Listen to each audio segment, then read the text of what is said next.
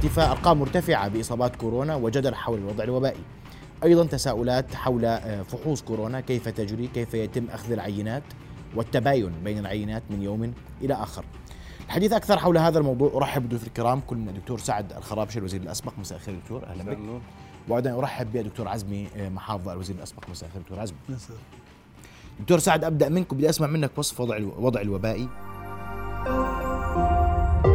رؤيا بودكاست. طيب بسم الله الرحمن الرحيم. شكرا أخي محمد وتحياتي لكل الإخوة المشاهدين في هذا المساء الطيب.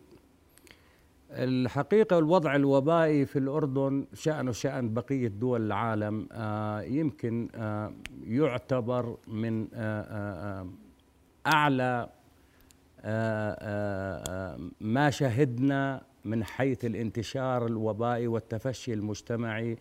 من أعلى ما شهدنا خلال موجات الوباء السابقة إذا بنطلع على الموجة الثالثة وما يسمى حاليا بالموجة الرابعة رغم أنه أنا بقول إحنا ما زلنا كلها موجة ثالثة لأنه ما كانش في فاصل ما بين الموجة الثالثة والموجة الرابعة. يعني إجن تقريبا متصلات مع بعض.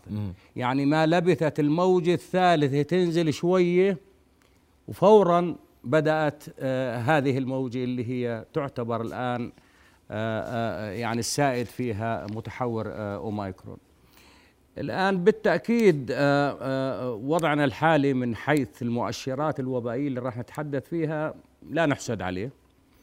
الآن بنحكي عن تطور في أعداد الإصابات الأسبوعية.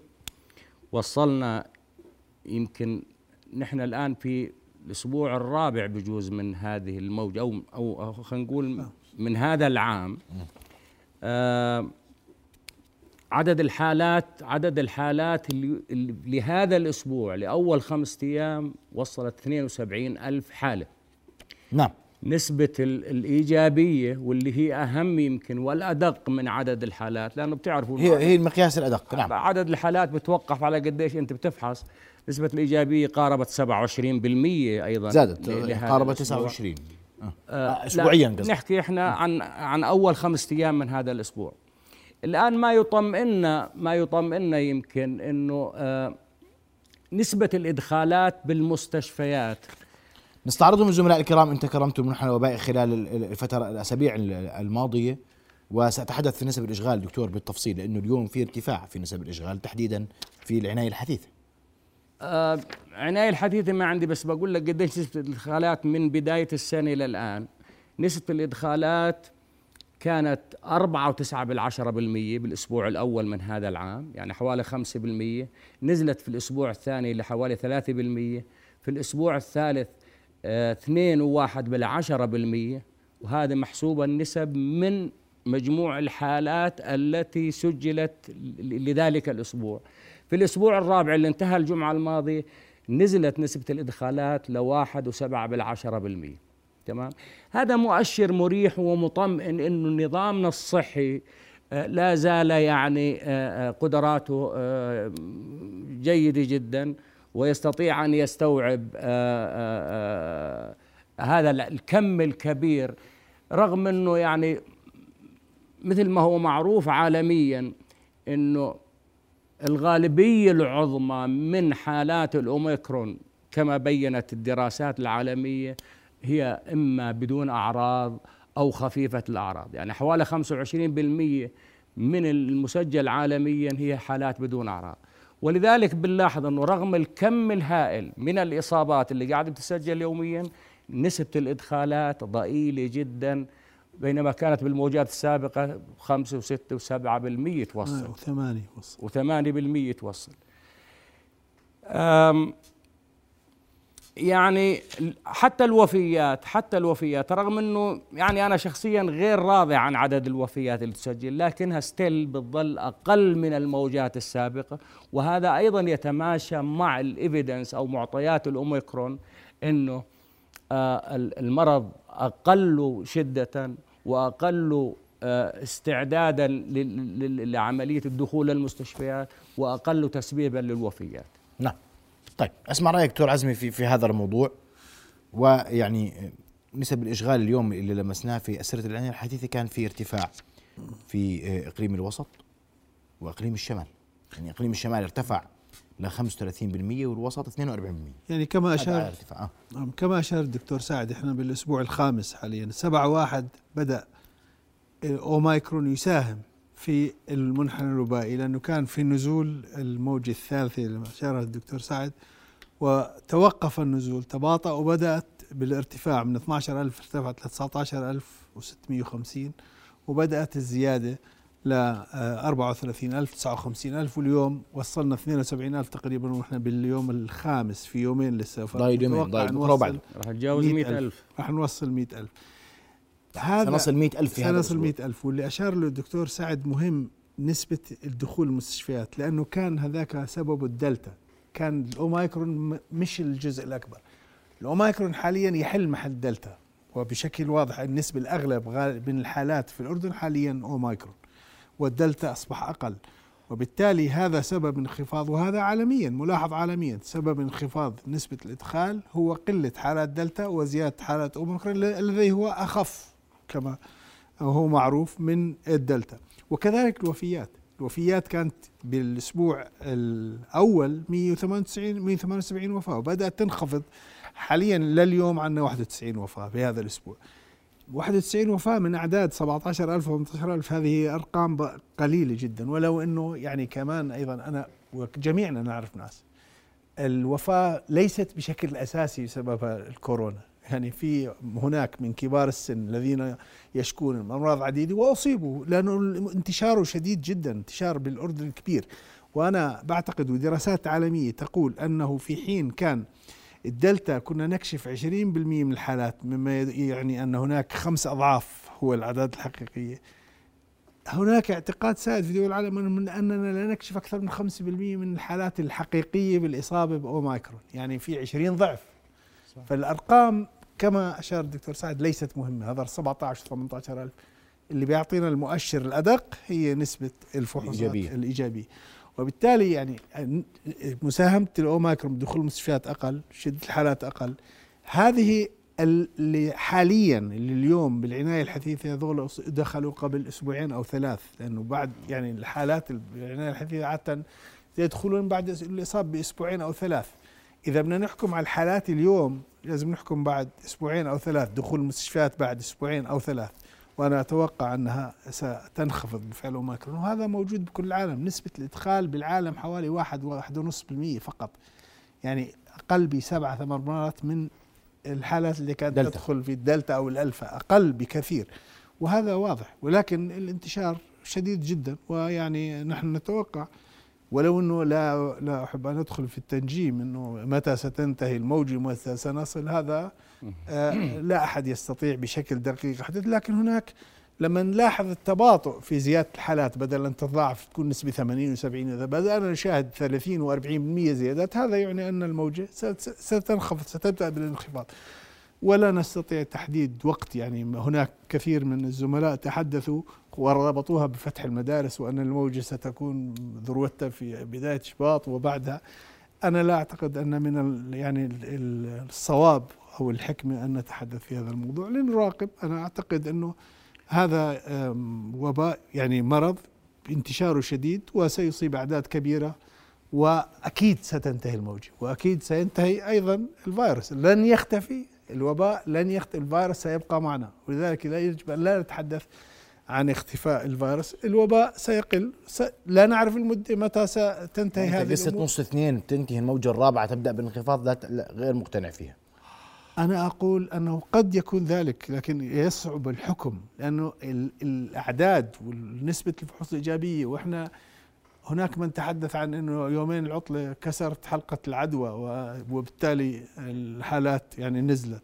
واليوم نشاهد أنه هذا أمر له منطقي ولا شيء. كسر حلقة العدوى بدك يعني إغلاق كامل وبدك أسابيع لتكسر العدوى. لا تكسر العدوى في يومين.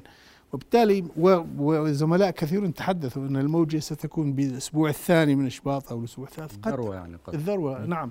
ولكن يعني ربطها هذا أمر مهم سيبقى الفيروس سيكون موجود. حتى لو وصلنا الذروة طب 20 اثنين في ذروة بس في حالات كثير في عشرات آلاف من الحالات.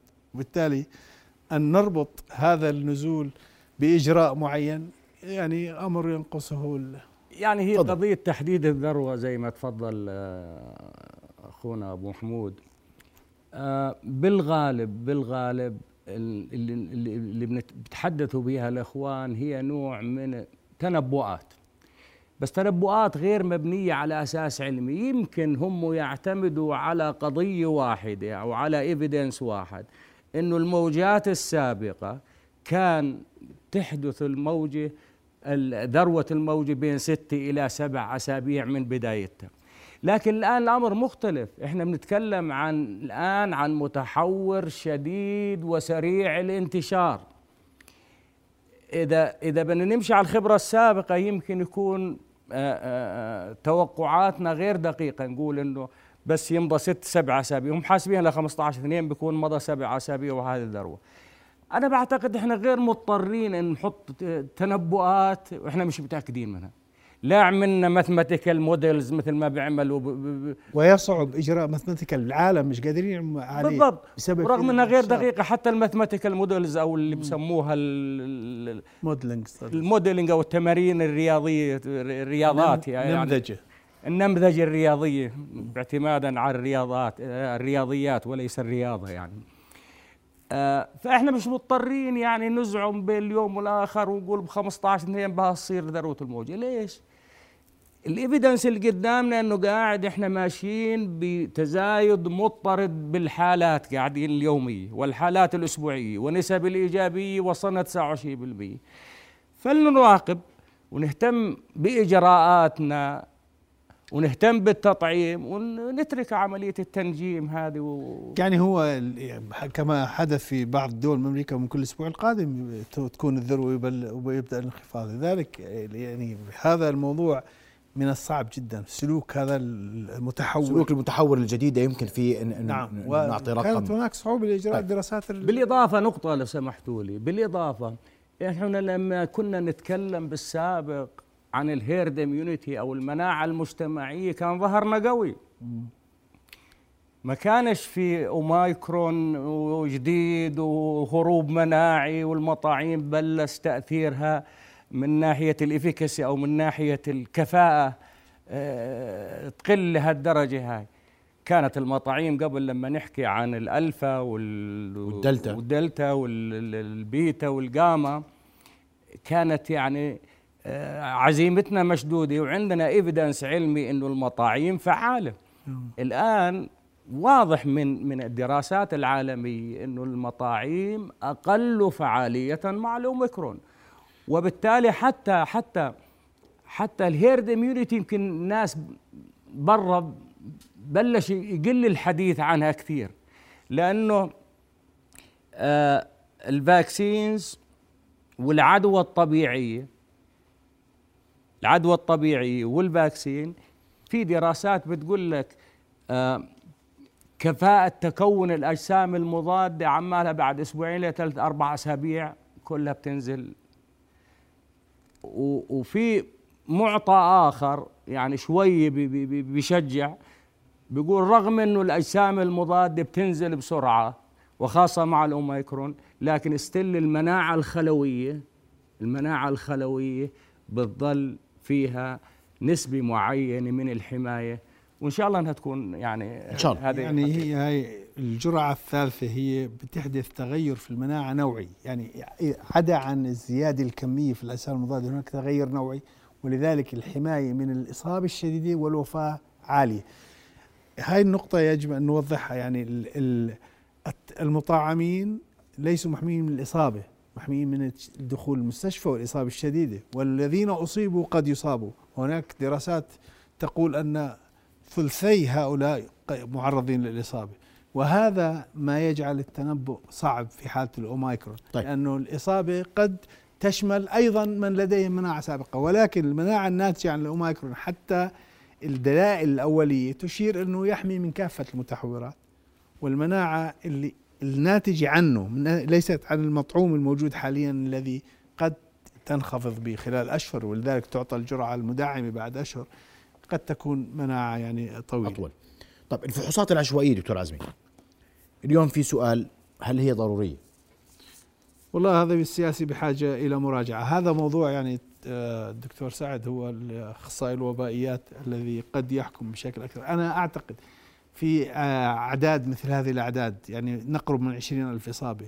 إذا ما ركزنا على فقط على المخالطين فنحن بحاجة إلى فحص خمسين ستين مئة ألف شخص وبالتالي آه، تصبح الفحوص العشوائية في مثل هذا الواقع في مثل هذه الأعداد يعني بحاجة إلى مراجعة. وأنا بعتقد أنه يجب أن نراجع السياسة بإجراء الفحوص العشوائية. هناك فحوص تجرى لدخول المستشفيات هناك فحوص للسفر هناك وهي تعطي معلومات مفيدة. لكن يجب أن نركز أنا بعتقد على المخالطين وال contact tracing متفق دكتور يعني سعيد. شو البديل يعني؟ تماما. سيدي لو نطلع إحنا على الهدف أو المغزى أو الفائدة من إجراء الفحوصات هذه. في بدايات الوباء إذا بتتذكروا إحنا كنا نتعامل مع حالات فردية أو حالات على شكل بؤر أو حالات بعدد مقدور عليه. اللي الهدف أنا أطلع أكبر عدد ممكن من الناس المصابين بالعدوى مشان إجراءات مش مشان بس أعلن بيانات إحصائية على التلفزيون وأقول أنا اليوم سجلت هالقد حالات وبس. كان الهدف قبل إنه لما كنا نفحص ونكتشف الحالة نركض وراها ونشوف مخالطيهم ونتابعهم ونتأكد إنهم معزولين كويسين الإصابات وإنه المخالطين محجورين ونفحص المخالطين ومخالطين المخالطين. بهدف كسر حلقة العدوى اللي حكى عنها الدكتور عزمي قبل شوي. الآن بعد التفشي المجتمعي الواسع اللي حصل بالأردن منذ أكثر من سنة ما عاد ما عاد في لزوم لهذا الكم الهائل من الفحوصات لأنه ببساطة أنا بفحص وبس بقول بسجل عندي اليوم عشر آلاف حالة أو بسجل سبعة عشر ألف حالة. وعندي 85 ألف أو اليوم يمكن صاروا بجوز 100 نعم. ألف حالة نشطة نعم. في المنازل ولا حدا بدور وراهم ولا ناس بدري عنهم شو بسووا وين بروحوا وين بيجوا عدا عن اللي ما بفحصوا عدا عن اللي ما بفحصوش وبالتالي وبالتالي يعني أنا بقول لو حسبنا حسبة بسيطة جدا لكلفة الفحوصات العشوائية هاي اللي بنسويها على الناس اللي بنسميهم الناس الأصحاء ظاهريا الأصحاء اللي هم إما بمؤسسات أو ب في المولات. أو مولات أو ناس مسافرين أو ناس هذول الناس اللي هم ما عندهم أعراض ولا هم مخالطين. يعني الوفر اللي بشيله من هون أنا قاعد يعني لو بدي أحسب قديش قديش الحد الأدنى لكلفه فحص ال PCR. خلينا نقول بدنا الكلفه بسعر الكلفه بالأردن. يعني خمس دنانير لو قلنا. شو إذا أقل بشوي؟ مع ال manpower ومع الشو نعم. كله. بدي أقول 10 دنانير. لأنه مش بس ثمن ريجنتس واجهزه في. موظفين بيشتغلوا وفي عبء على الكادر الصحي إنه أنت كمان بتهمل أمراض أخرى. فخلينا نحسبها 10 دنانير. وبأفرج لو بدي أقول أنا بفحص خمسين ألف عينة باليوم. معناته على الأقل أنا يوميا قاعد بدفع ما لا يقل عن آه نص مليون دينار. نص مليون إلى ثلاثة أرباع المليون دينار. أضربها في شهر في سنة. أنا بدفع قاعد 180 إلى 200 مليون دينار على فحوصات ال PCR. هذول ال 180 مليون أنا لو أستثمرهم في تعزيز النظام الصحي تعزيز قدرة المستشفيات شراء أدوية آه، آه، آه، من الأدوية اللي, اللي, اللي, اللي, اللي هي تعتبر يعني الآن بيقولوا عنها فعالة وبلشت تنزل للسوق. المفروض وسطنا. أدعم برنامج التطعيم فيها. هذه واركز وأركز بعمل الفحوصات على ال high risk group أو الناس المعرضين للخطورة اللي هم الناس اللي بيشكوا من أعراض مرضية وبراجعوا مستشفيات أو مراكز صحية ومخالطيهم. تمام؟ وبالتالي وبالتالي في دول كثير الآن بالعالم دول كثير الآن بالعالم من زمان تركت هاي الفحوص العشوائية. وبس ركزوا على الناس اللي بيراجعوا المراكز الطبية والمستشفيات ومخالطيهم. منه بوفروا فلوس ومنه كمان انت يعني عمالك تتجه نحو الفئة اللي هي أكثر عرضة للاختطار. مش تروح تصرف فلوسك على على على ناس مشان تطلع منهم يعني وانت مش مسوي لهم إشي أصلا. يعني طيب. في جانب آخر بهذا المجال يعني البو- في بعض المختبرات إمكاناتها سواء من فنيين أو إمكانات الكواشف محدودة. هناك ضغط هائل عليها ولا يجري حاليا استخدام الفحص المولد الضد السريع بطريقة سليمة. راح أجي بعد الفاصل اسمح لي إنه هذا موضوع مهم جدا.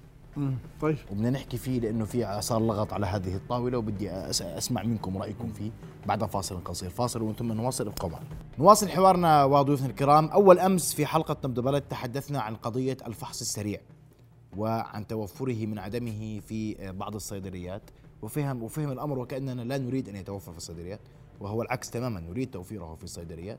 ولكن سنثبت بالواقع اليوم وهو تصوير خاص برؤية لعملية فحص. داخل إحدى الصيدليات للفحص السريع. نتابع سويته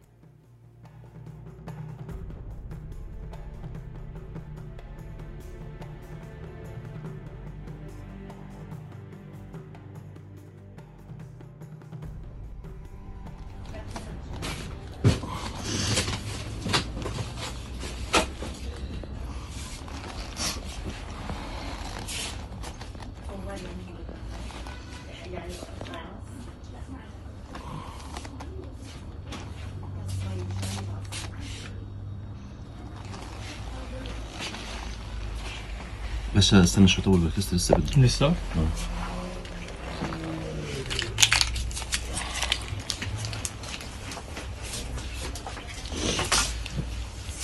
كم تقريبا بيقدر؟ دقيقتين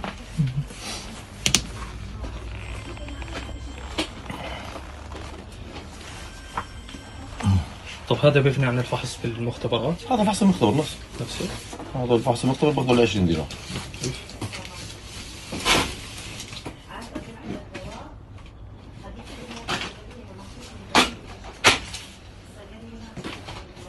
تسعين في المية negative ما في negative تسعين في المية لآخر شيء. كيف بيبين معك؟ negative؟ خط واحد negative خطين positive آه okay. طب يلا إن شاء الله. خير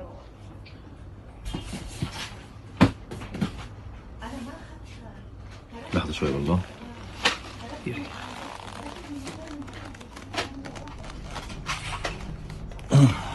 خليك شوي بدي أستنى. هذا فحص أجري اليوم في إحدى الصيدليات لفحص سريع. هذا دليل واضح أنه متوفر في الصيدليات وأنه يتم إجراؤه والبعض بياخذه كمان على البيت. وبدي أسمع وجهة نظركم في هذا الموضوع الفحص السريع. في مشكلة ولا في شو؟ مش في قرار أنه هذا الفحص كويس؟ يعني الفحص السريع فحص وجد ليستخدم. فإذا يعني ويستخدم وله حالات مهمة جدا خاصة في التجمعات الكبيره مدارس شركات جامعات وحتى في حالة الطوارئ. ولجنة الأوبئة منذ أكثر من عام ويعرف الدكتور سعد أقرت استخدامه. وفي البداية قررت أنه حصره في المستشفيات ثم وكان هناك نقاش يكو- يصبح متوفرا يعني يتجرى متوفر في أي مكان. لأنه شخص أي شخص عادي يتدرب عليه يمكن اجراءه إذا كان الشخص لديه أعراض وخلال مدة حوالي أسبوع واجرى الفحص السريع وكان ايجابيا هذا تشخيص للمرض وهذا تشخيص دقيق حساس ونوعي.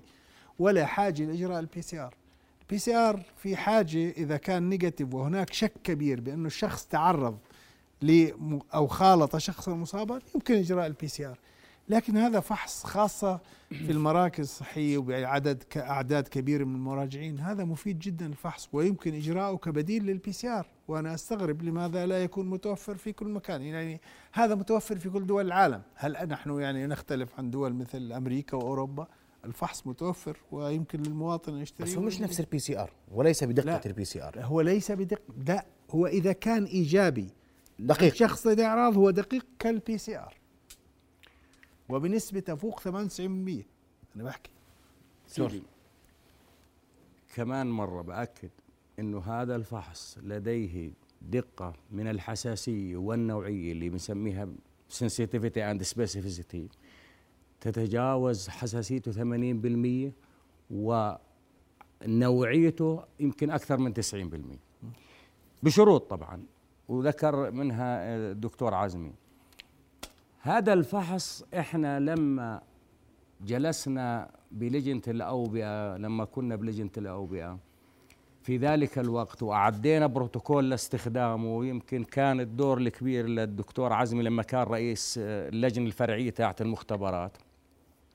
ونشرنا هذا البروتوكول في حينه وكان في ذلك الوقت في تحفظ إنه هذا الفحص آه، يظل مقتصر على التجمعات والعمليات سكرينينج والتحريات الكبيرة في المدارس في المؤسسات آه، لدراسات التحري بالميدان.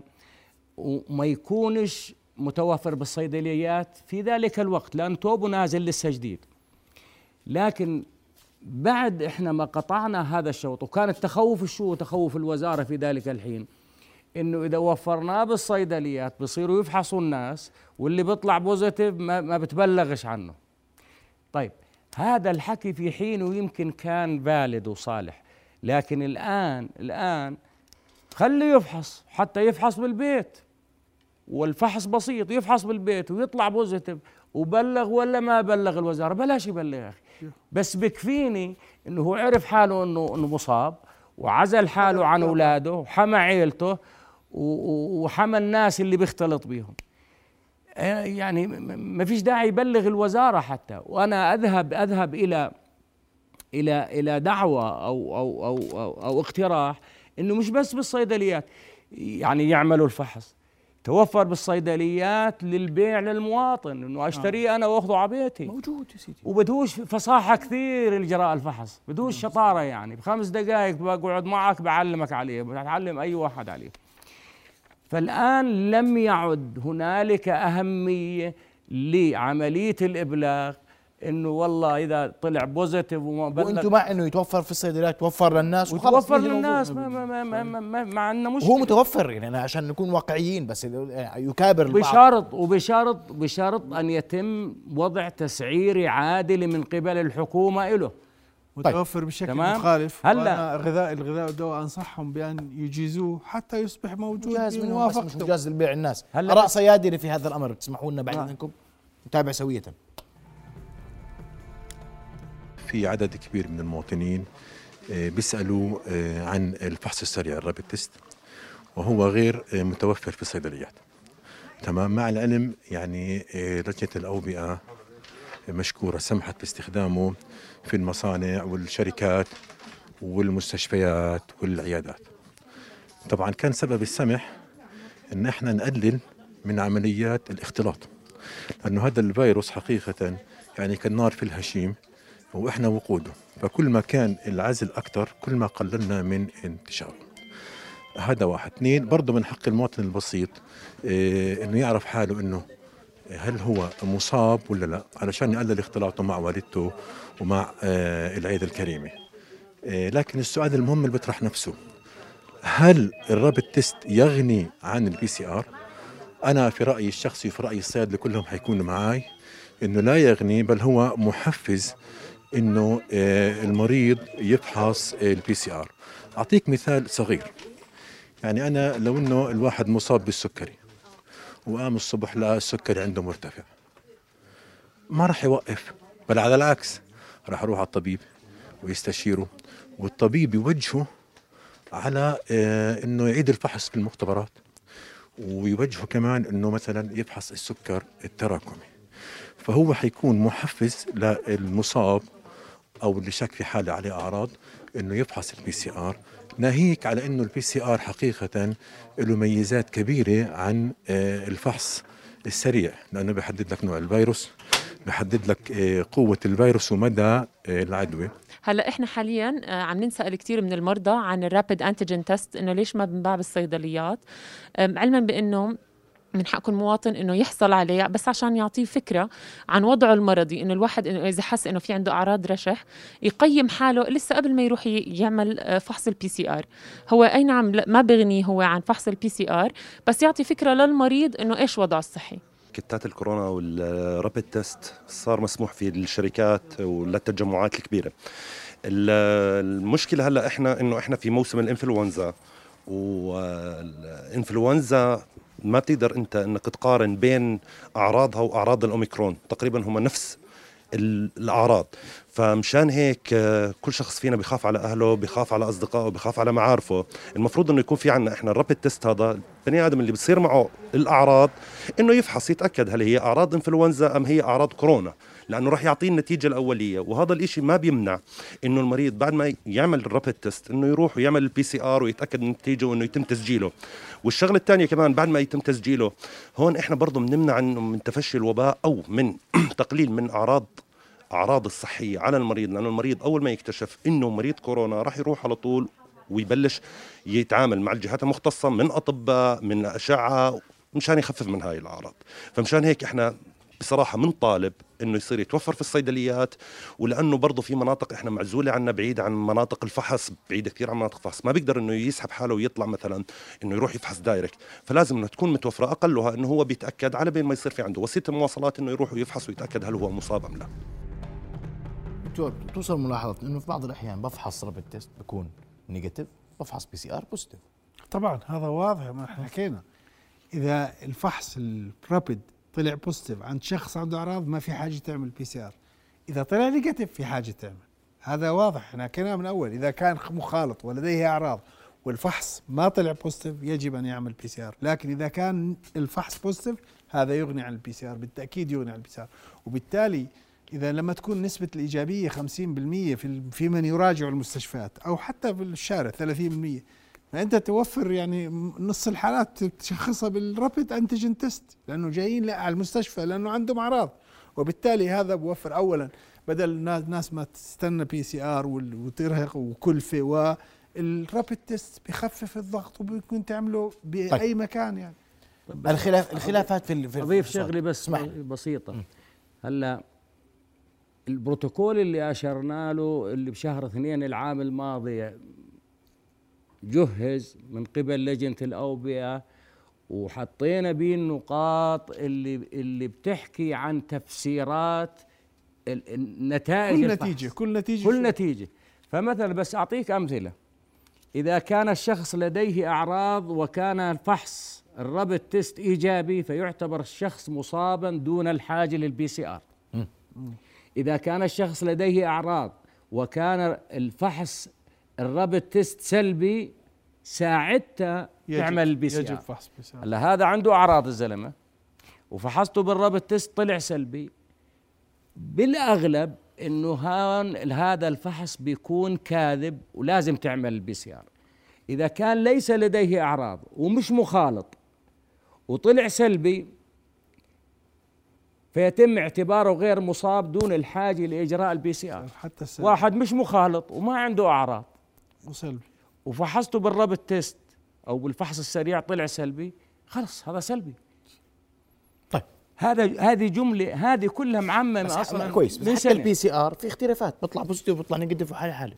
بصراحه يا سيدي. إحنا استعرضنا حالة قبل. يعني أيام. آه هي ال PCR برضه برضه هذا لم يغيب عن ذهن لجنة الأوبئة أيام آه، اللولو أيام ما كنت أنا وعزمي فيها. وهذا البروتوكول فحص ال PCR والتشكيك بالنتائج.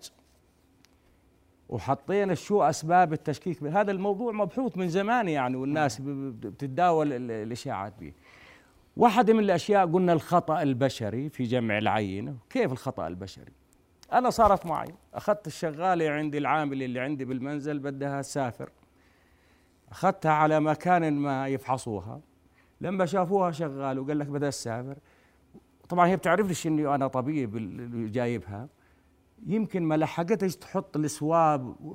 ما وصلش لهون وقامت تبغاها تحطها بالجسم قلت لها هذا فحصك غلط. ومسكتها قلت لها بدك تأخذي من ال nostril هذا ومن هون وعميق وقدامي لما عرفت طبعا إني دكتور صار فاحيانا الخطأ البشري سواء المقصود أو غير المقصود هذا عامل بالتضارب بالنتائج. النقطة الثانية يمكن اللي ما ذكرت آه، في بعض تعليق بعض الإخوان إشي بنسميه ال cycle threshold أو عتبة الدوران؟ وهذا طبعا من اختصاص أخونا أبو محمود. cycle threshold شيء هي هي إنه جهاز ال PCR في عدد من الدورات لازم يدور على العينة بيعمل نوع من ال amplification أو تضخيم للمادة آه للحمض الحمض المادة الوراثية. المادة الوراثية بضخمها حتى تصبح كميتها ب- آه، ب- الجهاز بكشف. بكمية كافية يكون الجهاز قادرا على كشفها. تمام؟ جميل. هلأ كل ما كل ما كان الحمل الفيروسي عند الشخص الحمل الفيروسي كبير كل ما كان الحاجة لعدد الدورات يكون قليل. يعني بجوز على عشرين دورة نكتشف وجوده نكتشف هذا. أو إذا كان الحمل الفيروسي ولها علاقة هاي بمده الإصابة وزمن آه طبعا. إذا كان الحمل الفيروسي قليل يمكن يلزمك 30 دورة حتى يطلع لك أو إياه. إذا كان 30 وفوق بصير في شك أصلا. بصير في شك إنه positive إذا كان الرقم عالي بصير في شك. يعني عادة الشخص المصاب بتكشفه بدورات أقل لأنه أنت كميات الفيروس موجودة بكثرة. فأنت بتكث- بتكثره عشر مرات بيطلع فورا. فاللي اشخاص المصابين إصابة شديدة بسبعة وثمانية بيكون positive القضية الثالثة اللي تكمل لما حكى الدكتور سعد هي المرحلة من المرض كمان مهم. قد يكون باكرا في مرحلة الحضانة وقد يكون بعد بمرحلة متأخرة. صحيح. لأنه باكرا هو بيصير positive بيومين قبل الأعراض قبل بدء الأعراض ال PCR قبلها لا. لا يكون positive الفيروس ما بتكون طلعت من الخلايا على المفرزات التنفسية. وال kits الكواشف قد تكون هناك مشكلة بالكواشف ويكون هناك يعني تحسنت عملية إنتاج الكواشف بشكل كبير جدا فتحسنت حساسية الم- الفحص ونوعيته وأصبحت عالية جدا. لكن في البداية كان هناك مشاكل كنا نعاني من هذه القضية أن تفحص في مخت... أكثر من مختبر وتكون نتائج متضاربة. و- والمدارس في هاي المعادلة كلها وين؟ مدارس ماذا؟ العودة أنا بعتقد العودة للمدارس يجب أن تؤخذ بجدية. هناك خلط بين أنه التعليم عن بعد والتعليم الوجاهي. التعليم الوجاهي لا يمكن تعويضه. استخدام التكنولوجيا في التعليم هذا أمر مهم جدا لكن استخدام التكنولوجيا ليس هو التعليم عن بعد. التعليم عن بعد يعرض الأطفال خاصة الأطفال في المناطق الأكثر تهميشا فقرا وحرمانا المناطق النائية الذين ليس لديهم وسائل لمتابعة التعلم عن بعد. وهناك مشاكل في التعلم عن بعد يعني بالعالم كله. دول العالم الكبرى المتقدمة لم يعني تلجأ إلى تعطيل المدارس حتى في أوميكرون حاليا. هذا أمر أنا أعتقد أنه يجب أن ننتهي منه. عودة الطلبة للتعليم الوجاهي قضية مهمة جدا جدا. واضح. ويجب أن لا نضحي فيها لأنه الفاقد التعليمي مرعب. مرعب. عندنا دكتور سعد رسالة أخيرة إنه وقت انتهى. اسمح لي. طيب يعني خلينا نلخص اللي قلناه إحنا بننصح يمكن متفقين أنا والدكتور عزمي إنه الفحوصات العشوائية ننصح بالتوقف عنها وتوجيه الفحوصات للمخالطين. CR للحالات التي تعاني من أعراض مراجعي المستشفيات والمراكز الصحية ومخالطيهم. نقطة اثنين عملية الفحص السريع نوصي بشدة لتوفيره ليباع للمواطن وليستخدم في وين ما كان. في المنزل وين ما كان وعلى الأقل اذا مرحلة أولى وفروه بكافة المراكز الصحية بالمملكة حتى يكون مجاني للناس اللي ما بيقدروش يشتروه بخمسة وبست دنانير آه ال- النقطة الثالثة يمكن بلزم بلزم إنه آه آه يكون خطابنا تقريبا موحد. وأنا بنصح يعني بأي حوارات مستقبلية بتصير عبر شاشات فضائياتنا المحترمة إنه يتم مشاركة المعنيين. بمعنى إذا بدك تحكي عن مختبرات وبدك تحكي عن viruses وتحوراتها المفروض إنه ندعي الناس المختصين لها.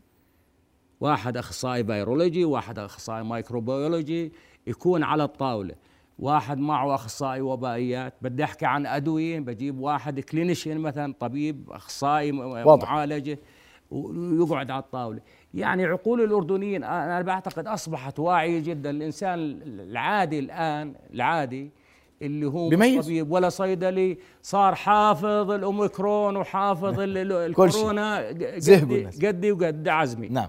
ولذلك بقول احترام عقول الناس اللي بيسمعونا مهم جدا. أكيد. ما عاد إشي مخبى ونعطي ونعطي الملف ل ل ل ل لأصحاب الاختصاص. لأصحاب الاختصاص. اشكركم كل الشكر ضيوف الكرام شرفتوني بحضوركم الليلة مشاهدينا.